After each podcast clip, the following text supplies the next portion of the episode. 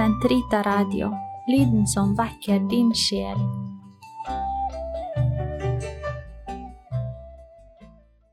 Kroppens teologi, en kommentar til pave Johannes Paul 2.s onsdagskatekeser av Eirik Ambrosius Stenhoff.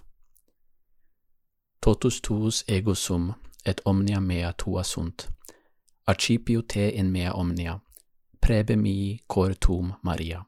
Episode 18 Fordypning Brudemysteriet Guds kjærlighet og vår egen. Del 2 Communio personarum Ekteskapets asymmetriske gjensidighet.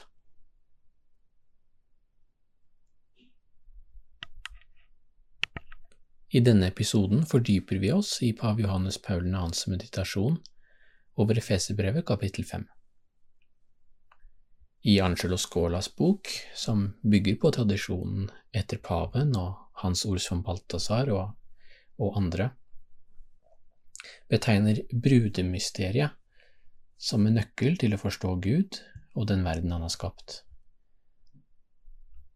Paven skriver i det apostoliske brevet Molieris Tinitatem fra 1988 at kjærligheten mellom mann og kvinne gjenspeiler kjærligheten som finnes i den treenige Gud. Her går han altså noe lenger enn han gjorde i onsdagskatekesene, som ble avsluttet fire år før brevet kom. Problemstillingen vår i episoden er todelt.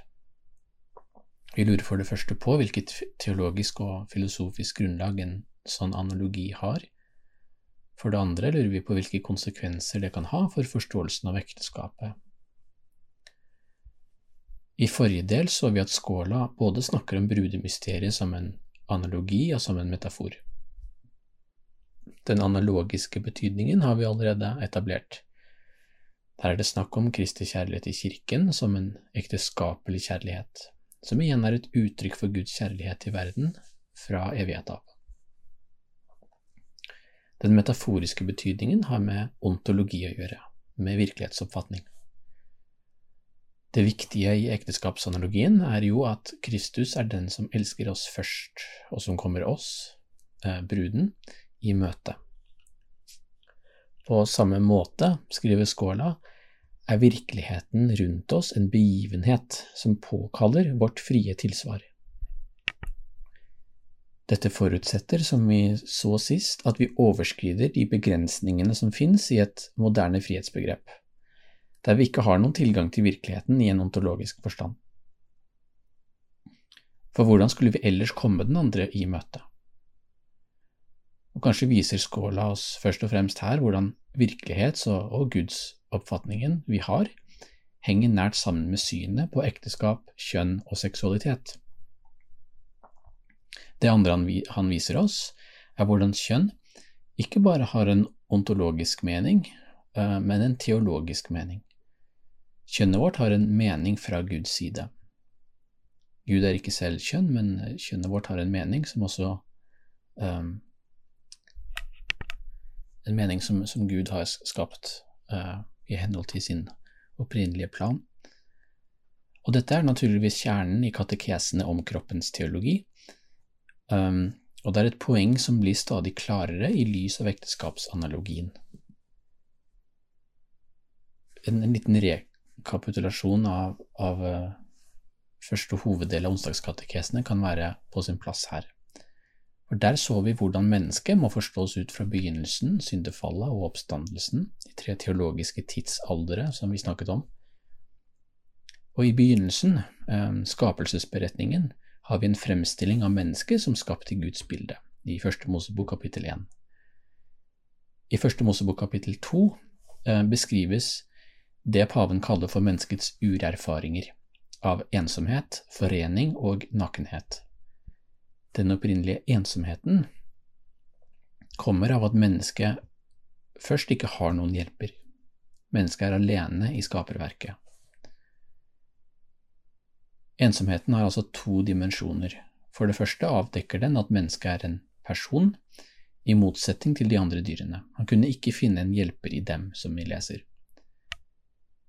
Mennesket er altså en, en person med, med, kropp og sjel, selvbevissthet og frihet, og vi forstår alt dette ut fra at Adam er satt til å dyrke Edens hage, ut fra befalingen om at han ikke skal spise av treet midt i hagen. For det, for det, andre avdekker ensomheten at mennesket er skapt for andre personer, for et fellesskap av personer, communio personarum. For det er først når Gud skaper kvinnen ut av mannens side, og på et vis nullstiller skaperverket slik at de kan gjenreises i denne menneskelige foreningen, at mannen finner den hjelper han hele tiden var skapt for. Mennesket er skapt for et fellesskap, dypest sett for Gud, men også for andre mennesker, og det er nettopp dette som for Johannes Paul 2. gjør at ekteskapet kan kalles for en autentisk imago trinitatis, et bilde på treenigheten. Vi er riktignok skapt i, i Guds bilde, imago dei, uh, og fordi vi er iboende konstituert mot den andre og mot fellesskap, må vi kunne si at vi er skapt eh, som en imago trinitatis. Derfor skriver paven i Molieres Dignitate med at det å være skapt i Guds bilde betyr at mennesket er kalt til å eksistere for den andre og bli en gave for den andre. Hans Ors von Balthasar skriver som følger i sin bok om kristen bønn. Sitat den eneste analogien til foreningen med den guddommelige sannhet som naturen ser ut til å gi oss, er foreningen mellom kjønnene. Men analogien holder bare vann dersom vi utelater den tiden som går fra den kjødelige foreningen til den resulterer i et barn. Implikasjonen her, som også Balthazar holder frem Eh, og også enda tydeligere enn dette i sine verker, er at familien selv, med mor, far og barn, fremstår som et bilde på treenigheten. Det er altså en analogi mellom de tre personene i Gud og de tre eller flere personene i familien. Dette er en analogi som blant andre Augustin og St. Thomas Aquinas eksplisitt avviste. De er naturligvis store, kanskje de største autoriteter i vår teologiske tradisjon. De utviklet i stedet trinitariske analogier ut fra det vi kanskje kan kalle for menneskets indre liv, eh, som i Augustins tilfelle, eller ut fra værensmetafysiske kategorier. Og vi kan akseptere disse reservasjonene uten at det betyr at Balthazars bidrag er helt ugyldig. Hans bidrag er altså en teologisk privatmening. men eh, hvor han vil hen, ser vi lettere når vi kommer dypere inn i argumentet i Skålas bok. Skåla begynner, som vi har sett, med vårt møte med virkeligheten, slik den kommer til syne for oss. Hvert menneske, skriver han, kommer inn i verden gjennom en kjærlighetshandling mellom en mann og en kvinne, som dermed blir dets far og mor.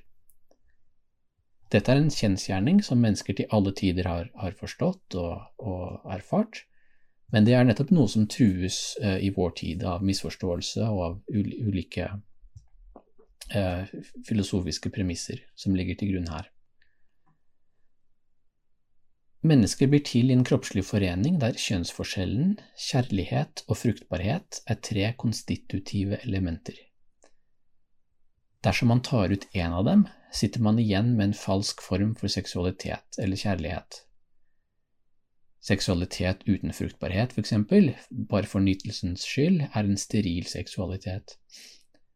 Den bioteknologiske produksjon av mennesker er på sin side en, en fruktbar handling, eh, men uten kjærlighet, altså utenom den objektive kjærlighetshandlingen. Vi skal komme litt tilbake til dette i neste del av episoden. Dessuten i forbindelse med kritikken av kunstig prevensjon senere i kommentarserien. Det faktum at vi blir til på denne måten, betyr at vi blir til i en forening mellom to mennesker som er karakterisert av det Skåla kaller for en asymmetrisk gjensidighet, asymmetrical reciprocity på engelsk. Og dette er selve definisjonen av ekteskapelig kjærlighet, skriver Skåla, eller det Skåla kaller for nuptiality. Det er altså to elementer i denne definisjonen, asymmetri og gjensidighet. Vi begynner med gjensidighet. Gjensidighet betyr at vi i en forstand ikke er uh, fullstendige i oss selv. Selve min eksistens som menneske betyr, som jeg har sett flere ganger, at jeg er, jeg er konstituert, skapt for den andre, nemlig personen av et annet kjønn. Det er dette det betyr å være skapt for communio personarum. Den andre personen er fortsatt en person, konstituert i opprinnelig ensomhet, men kjønnsforskjellen er likevel en radikal forskjell som gjør at den andre personen eksisterer på en annen måte enn jeg gjør. Dette er også noe av grunnen til at Skåla og andre teologer foretrekker å bruke ordet kjønnsforskjell, nettopp fordi det er noe konstitutivt og grunnleggende. Når vi i vår kultur snakker om skillet mellom sex og gender, eller biologisk og sosialt kjønn på norsk, forutsetter det at kjønnsforskjellen ikke er grunnleggende, men sekundær og eventuelt til og med en ren sosial konstruksjon. Men altså, denne konstitutive åpenheten mot annet kjønn ligger til grunn for vår, all vår erfaring av den andre, skriver Skåla. Og her gir han på en måte den freudianske tradisjonen rett i noen av sine konklusjoner, men på helt andre premisser. Poenget for ham er nettopp at den andre, som han skriver, er en kategori som favner mye bredere enn det annet kjønn. Til syvende og sist er den andre Gud selv, som kaller oss ut av oss selv og inn i en kjærlighetsrelasjon til ham, allerede før vi blir født. Men i den skapte virkelighet er denne eh, relasjonaliteten uttrykt gjennom kjønnsforskjellen så den har altså en primær betydning. Det var altså begrepet gjensidighet. Begrepet asymmetri peker på at kjønnsforskjellen ikke simpelthen er en slags komplementaritet, som vi ofte hører om. Skåla nevner Platons symposium her, altså eh, filosofen Platons verk om, om kjærlighet, og der snakker Aristofanes, en av samtalepartnerne, om at mennesket opprinnelig var en enhet bestående av mann og kvinne, som Sefs deretter delte i, i to eh, av sjalusi. Men dette avdekker egentlig et androgynt syn på kjønn, som er vidt utbredt i dag. Og her undergraver man betydningen av asymmetrien mellom kjønnene. Og sånn sett kan vi si at asymmetrien, og ikke først og fremst gjensidigheten, er det største problemet for moderne tenkning nettopp fordi tenkningen vår er androgyn. Asymmetrien betyr at den andre personen alltid forblir den andre for meg, skriver Skåla. Kjønnsforskjellen er i en vesentlig forstand uoverstigelig. Og det er samtidig nettopp denne uoverstigeligheten som gjør at vi virkelig kan bli en gave for den andre. Som vi har sett i tidligere episoder, er relasjonen mellom opprinnelig ensomhet og forening beskrevet slik.